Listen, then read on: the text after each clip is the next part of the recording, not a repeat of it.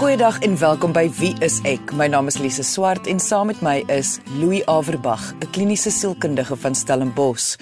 Daar is niks so frustrerend as om te sien die mense naaste aan jou maak foute nie, veral wanneer hulle nie hoor wanneer ons vir hulle dit probeer uitwys nie. Binne 'n familiekonteks kan so 'n situasie soms bande verbreek, argumente veroorsaak en terselfdertyd baie spanning veroorsaak. Maar hoe weet 'n persoon 'n geliefde is waarlik besig om 'n fout te begaan? Hoe seker is jy dit wat jy waarneem is nie dalk 'n verkeerde keuse vir jou lewe nie, maar dalk die regte keuse vir daardie persoon se lewe? Dit kom alles neer op hoe jy die wêreld om jou ervaar teenoor hoe die persoon langs jou die wêreld ervaar. Ek en Louis gaan vandag kyk na twee briewe wat hierdie komplekse dog belangrike onderskeid gaan verduidelik. So kom ons kop af deur te luister na die eerste brief van die dag, voorgeles deur ons assistent, Marie. Louis en Lise, ek het julle advies nodig aangaande my enigste kind. Hy is 35 jaar oud, het 'n graad in teologie, maar verseg om enigiets daarmee te doen. Hy werk as 'n nutsman in 'n afgeleë dorpie. Ek is 'n enkel ma wat verskeie beroepe moes volhou om hom deur die skool en universiteit te moes sit. Hy kon enige beroep gekies het, maar in graad 11 het hy vir my gesê hy wil 'n dominee word. Halfpad deur sy studies het hy besef hy glo nie meer nie. Hy het sy graad klaar gemaak, maar direk daarna is dit asof hy opgegee het op die lewe. Waar hy altyd gedrewe was, het hy net rondgelê en niks gedoen nie. Ek moes hom forceer om werk te doen.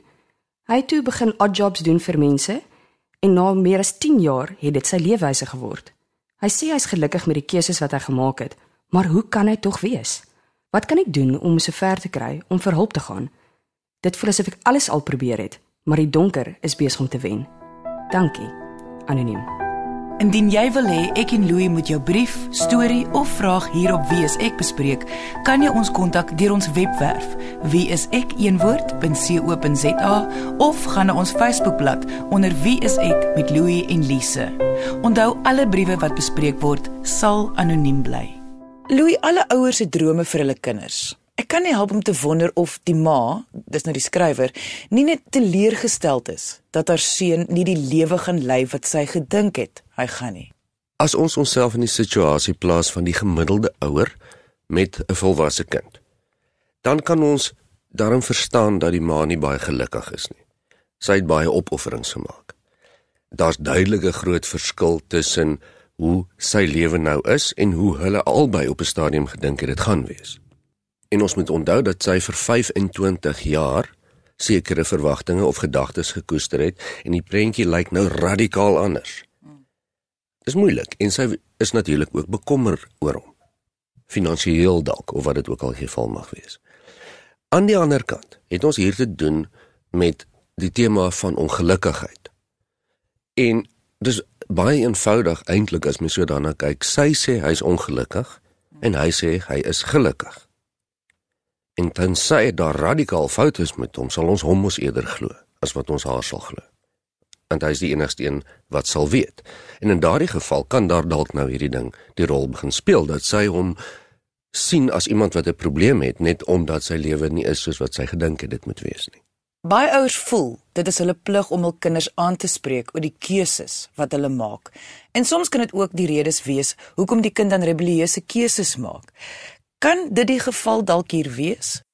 Dit kan wees as mens dit na kyk in die konteks daarvan dat alles wat ons in ons verlede ongelukkig gemaak het, probeer ons tog in ons toekoms vermy of nastreef die teenoorgestelde daarvan. Ons meeste mense wil gelukkiger wees as wat hulle was in die verlede. So dit kan wees dat sy hele lewe een groot rebellie is. Dit is natuurlik moontlik. Maar ons moet ook in ag neem dat hy hierdie keuse op 25 gemaak min of meer. Dis 10 jaar gelede. En weer eens dis dis of 'n massiewe rebellie wat vir 10 jaar aanhou, ten minste. Of hy's regtig min of meer gelukkig met sy lewe. En weer eens lyk die tweede opsie die meer waarskynlike van die twee. Dit is wel baie vreemd dat hy op skool geweet het wat hy wil doen self sy studies klaar gemaak het, maar toe net weggeloop het van alles. Ek weet nou jy sal tog nou nie weet nie, maar dink jy daar het iets gebeur? Kyk, dis eerstens nie so vreemd nie. Dit gebeur baie dat mense uh studeer, klaarmaak met hulle studies en besef dis nie wat hulle wil doen nie. Dit gebeur baie dat mense radikaal van lewe verander. Dit is nie regtig so vreemd nie. In hierdie geval is daar nogal 'n groot verskil tussen wat hy wou gedoen het en wat sou gebeur het. Ek dink sy sou tevrede gewees het as hy miskien dan 'n ander beroep gevolg het, dalk 'n professionele beroep, bevaste salaris of inkomste gehad het, min of meer. Daar's tog niks fout met iemand wat af en toe werkies doen vir iemand en gelukkig is daarmee nie. Daar's niks fout met iemand wat 'n dominee is nie. Dis net dat hier 'n baie groot verskil is tussen wat sou wees en wat is. En as daar iets sou gebeur het wat dit so radikaal sou veroorsaak het, sou sy dit genoem het. Jy luister na Wie is ek met Louie en Lise op RSG 100 tot 104 FM. Maar kom ons sê, hy ervaar wel depressie. Kon dit nie toe al daar by sy universiteitsdae sy kop uitgesteek het nie of kan 'n siekte soos depressie nie jou keuses oor jou toekoms eintlik affekteer nie? Natuurlik kan dit. Natuurlik kan depressie dalk 'n oorsaak wees in sy geval. Hy sê dalk hy is gelukkig, maar hy is iemand wat dalk net net oorleef en diep ongelukkig is. Dis moontlik. Ehm um, maar dan weer ons moet onthou alles beïnvloed ons keuses. En die aanname agter jou vraag is hier is daar is iets fout met hom. Ons moet net 'n rede gaan soek hoekom hy so snaaks optree. Hoe hoe weet ons daar is iets fout met hom? Net omdat ons nie wil hê hy moet so leef soos wat ons wil hê hy moet leef nie. En sy ma beskryf die donker is besig om naby te kom. Praat sy van sy pers, sy depressie wat sy oor uh, spekuleer hierso of bedoel sy nou maar eintlik hierso dat dit raak amper onmoontlik nou om so om hom so ver te kry om te leef soos wat sy wil hê hy moet leef. Want dit kan die ander kant van die saak wees en dis hoe dit vir my meer klink daarna. Ons ken nie die mense persoonlik nie. So die ma kan heeltemal reg wees dat hy dalk depressie ervaar. Hoe kan sy seker maak voor sy begin om hom aan te spreek oor om hulp te kry en sulke goed? Want sy voel sy ken hom tog. So behalwe vir die keuses wat hy oor sy toekoms gemaak het, is daar ander tekens waarvoor sy dalk kan uitkyk. Ja, daar is ander tekens, maar ek wil net eers dit sê. Sy noem nêrens die feit dat hy depressie het nie. Sy stel dit net so sy dink hy het depressie. En dis haar verklaring vir sy gedrag. Uh, as sy dus self sou op die internet gaan en navorsing gaan doen oor simptome van depressie, gaan sy waarskynlik kry waarvoor sy soek. Simptome soos sosiale onttrekking, praat nie baie met ander mense nie, baie motivering verloor ensovoorts ensovoorts. Maar dis nie regtig depressie nie. Depressie gaan om regtig in die donker te wees. Jy wil in die lig wees sogenaamd. Jy wil lekker leef, jy wil lekker voel, jy wil dinge doen. Maar jy kry dit nie reg nie. Dit is baie anders as wat jy 'n lekker rustige lewenstyl verkies, maar baie gelukkig is daaroor. En jy voel nie swaar of donker daaroor nie. So as hy dalk depressief is, dan sal daar vir baie verdere tekens moet wees. Met ander woorde dat hierdie man subjektief ongelukkig is. Hy wil nie uit die bed uit opstaan nie. Hy hy wil nêrens heen gaan nie, maar dit is nie vir hom lekker nie. Hy kry swaar. Dit is natuurlik moontlik dat hy swaar kry soos ons sê, maar dit klink nie of hy swaar kry nie. Sy glo net hy behoort swaar te kry as hy so leef. Ons praat hier van 'n volwasse man. So ek kan nie sien hoe sy dit gaan regkry om hom so ver te kry om in elk geval vol op te gaan nie. Nee, en jy is heeltemal reg. Ehm um, dit is so aan die een kant is dit 'n probleem want jy kan nie volwasse mense dwing om iets te doen. Jy kan nie 'n kind regtig dwing om iets te doen nie. Maar aan die ander kant moet ons regtig onthou, die meeste volwasse mense as hulle nie vir hulp vra of hulp soek nie, is dit omdat hulle nog genoeg ander opsies oor het om nie self hulp te soek nie. As iemand regtig regtig in die moeilikheid is, dan soek hulle hulp. Ek het dit al baie keer gesien. So, dis die verskil tussen mense verantwoordelikheid tussen 'n minderjarige kind en 'n volwasse kind. 'n minderjarige kind se ouers moet namens die kind hulp soek, veral 'n klein kind. 'n Volwasse kind moet vir homself hulp soek as hy hulp nodig het. Dis nie sy ma se werk nie. Maar hoe gaan die ma dit regkry om terug te staan en te kyk hoe haar seun volgens haar sy lewe verbeur? Jy laat dit klink asof dit die grootste opoffering is wat sy moet maak en 'n pyn en lyding is wat sy moet deurgaan om terug te staan van haar volwasse seun se lewe af. Uh as sy dit kan regkry verdien sy nie 'n medalje daarvoor nie, dis wat sy moet doen. Daar's 'n verskil tussen om jou lewe te verbeur en om swaar te kry. As mens 'n volwassene is, dan is jy tog bekommerd oor jou oor oor jou kind. Nee, jy sal altyd bekommerd wees. Maar jy kan nie altyd in beheer wees nie. As jou kind swaar kry, dan help jy. Maar jy kan nie net aanneem jy moet help as jou kind vir jou direk sê maar ek kry nie swaar nie. So as ma is daar dan 'n verskil vir haar tussen om bekommerd te wees oor haar kind wat normaal is en om in beheer te wil wees van hoe sy lewe moet wees. So asof sy weet hoe iemand anders se lewe behoort te wees en dan is dit waar mens dan vir iemand wil vra. As jy so fantasties slim is om te weet hoe iemand anders se lewe moet wees, is jou lewe dan self so wonderlik en gelukkig. Hoe weet jy al hierdie goed hoe ander mense se lewens behoort te wees? So wat jy sê is, ons vermoed hier is 'n geval dat die ma soek redes dat die kind nie gaan gelukkig wees met sy lewe nie omdat hy keuses gemaak het wat sy nie verwag het of gedink het of dink dit is reg vir hom nie. Maar nou het ons 'n geval waar sy wil ook dan die verantwoordelikheid van sy eie geluk wegneem van hom want sy dink sy weet wat hom gelukkig gaan maak.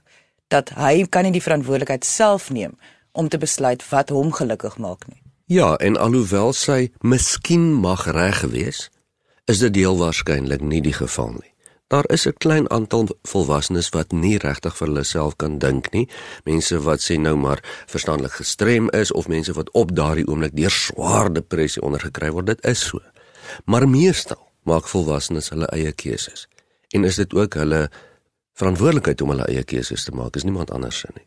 So dan word indien hy wel depressie ervaar, moet hy dit self uitsorteer. Ja, as hy dan nou regtig so ongelukkig is soos wat sy sê. Eerstens waar is die bewyse daarvan en tweedens dan moet hy self iets daaraan doen. Sy het mos nou probeer help. Indien jy meer wil gaan lees oor depressie en die simptome van depressie, kan jy gaan na ons webwerf. Dit is wieisek.co.za. Daar is nie net die simptome nie, maar ook advies vir geliefdes hoe om waarlik depressie te hanteer. Selfs al dit was dit nie miskien in hierdie brief se geval die probleem nie, is dit nog steeds belangrik om daardie kennis op te doen. Wanneer ons voel dat 'n geliefde die verkeerde keuses oor hul lewe maak, is dit dan ons plig om hulle foute uit te wys? Moet mens niks sê nie of moet jy alles doen om die persoon te forceer om ander keuses te maak? Dan kom die heel belangrikste vraag: volgens wiese standaarde of waardes maak hierdie persoon die verkeerde keuses? Joune of wil eie? Dit is wat ons vandag bespreek aan die hand van twee briewe. Voor die advertensiebreek het ons gehoor hoe 'n ma vermoed haar seun ervaar depressie as gevolg van die beroepskeuses wat hy gemaak het. Indien jy die gesprek gemis het, kan jy na die pot gooi gaan luister op RSG se webwerf. Dit is rsg.co.za. Kom ons beweeg aan na die volgende brief van die dag, voorgeles deur ons assistent Marie. Hallo Louie en Lise. Ek het 'n ouer suster en 'n jonger broer. Ons is almal volwassenes met ons eie gesinne. My suster was nog altyd anders as ons, so ek en my broer was van skool af onafskeidbaar. Ons deel dieselfde vriendegroep, speel dieselfde sport en hou van dieselfde aktiwiteite soos om te gaan 4 by 4. Hy het 3 jaar gelede sy vrou ontmoet en is 'n jaar later getroud. My vrou en sy vrou kom baie goed oor die weg. Hy was 'n harde werker wat baie drome gehad het oor sy toekoms. Sonder enige verduideliking het hy die korporatiewe lewe gelos en hy probeer nou boer met bokke. Sy vrou se familie het baie geld, so finansiëel hoef hy nie meer te werk nie. Maar ek ken hom nie so nie. Hy wil nie meer gaan tennis speel nie, wil nie meer saam met my en ons vriende kuier nie en hy kontak my net as hy iets nodig het, soos om te help trek. Ek verstaan dit nie. Ek is kwaad vir hom want dit voel asof hy besluit het hy hoef nie meer te werk nie. So hy gaan nie. Hy is lui. Ons is nie so groot gemaak nie en ek raak kwaad wanneer ek hom sien. Wat kan ek doen om ons verhouding weer te kry soos wat dit was? Dankie, anoniem. Louis, as die broer wil boer, Hoekom dan nou nie? Hy is finansiëel veilig, sy vrou duidelik laat dit toe. Nou, wat krap hierdie skrywer dan nou so om? Ja, jy vra 'n goeie vraag en as ek reg verstaan wat die broer omkrap hier, is eerstens dat hy vies is vir hierdie broer van ons, sy broer is lui. Hy mag nie so wees nie, dis nie hoe hulle grootgemaak is nie en dis nie hoe hulle leef nie. Maar hy's ook tweedens omgekrap oor die broer onttrek het van hulle as familie en veral van hom as broer af. Hulle hy, hy wil nie meer saam met hom tennis speel nie, hy wil hom nie meer kontak nie. Ehm um, dis ook 'n persoonlike verlies. En dit kan mens ook regtig dan verstaan. Maar is tog nie die skrywer se keuse wat die broer met sy lewe doen nie. Dit is nou net soos die vorige brief, dit is nou maar die broer se keuse. Ja, jy is heeltemal reg. As hy regtig sy broer wil kwaadlik neem oor sy broer nie meer wil werk nie en met bokke wil probeer boer, dan is dit maar sy probleem. Maar ek dink ook hy's hy's dit gaan ook oor die manier wat sy broer hierdie hierdie ding gedoen het. Hy verstaan nie wat hier aangaan nie. Hoekom onttrek sy broer van hom af en sy verklaring hiervoor is dat sy broer lui is. Dis nou maar sy teorie. Die feit dat die broer wel nie meer aan enige van die aktiwiteite wil deelneem nie. Is dit nie dalk iets waaroor mens bekommerd moet wees nie? Dit is darm vir my nogal drasties dat hy sommer alles net gelos het. Ja, dit is nogal drasties. Jy weet, dis twee broers wat 'n lang pad kom. Dis vreemd. Die die een broer vir my so half kontak, dis hoe dit lyk. So jy weet, die vraag hier is, is dit 'n simptoom? Is dit sosiale onttrekking? Gaan dit sleg met sy broer? Ervaar hy dalk swaar depressie hierso en hy onttrek van almal af en hy wil met niemand weer te doen hê nie, hy wil nie meer tennis speel nie of onttrek hy net van sy familie of sy broer af? Dis iets heeltemal anders. Miskien wil hy net sy eie pad in die lewe stap. Ons weet nie. Soos dit nou met tussen twee broers gaan, gaan ek aanneem die skrywer het nog nie hierdie situasie met sy broer bespreek nie. En ek verstaan dit. Vir geen mens is dit maklik om te praat oor hoe jy iemand mis of jy wens alles was nog dieselfde nie. Maar sou dit nie help om beter te verstaan hoekom sy broer hierdie keuses gemaak het nie? Natuurlik. Natuurlik sal dit help en dit dit is nie net dat dit sal help nie. Ehm um, dit is die kern van waaroor dit hier gaan. Onthou ons het hier met 'n verhouding te doen. Dis 'n baie nabye verhouding en onthou hierdie mense is lief vir mekaar, hulle is familie. Dis wat ons aanneem. En soos in enige ander verhouding waarin daar verskille of konflik kom, begin die proses om die verhouding te verbeter of te herstel eerstens by verstaan. As hy dus aangaan met die aannames wat hy het, loop hy die risiko om al hoe moeiliker die verhouding met sy broer te herstel want hy maak nou teorieë op soos wat hy aangaan. Hy het geen idee nie. Ons het geen idee wat in sy broer se kop aangaan nie. En as as ek nie hoef te gewerk nie, sou ek ook dalk lekker op die stoep wou sit en met bokke boer. En dalk vir 'n ruk lank met niemand wil praat nie. Mens weet nie, nê. Nee. En mens kan ook aan die ander kant af vra. As iemand vir my, as ek optel iemand dink ek is lui omdat ek nie meer 'n korporatiewe pad wil vat nie en dit vir my bekend maak die hele tyd. Dan wil ek ook nie, dan gaan ek ook nie lus wees om daardie persoon se geselskap te wees nie. Miskien is dit hoekom sy broer sou om vir my. Ons weet nie. Maar jy's heeltemal reg. Hulle sal moet verstaan wat in mekaar se koppe aangaan en nie aannames maak nie. Want toe ek die eerste keer die brief gelees het, het ek gewonder of die skrywer nie dalk iets gedoen het wat die broer laat voel het hy wil nie meer dieselfde patroon volg nie.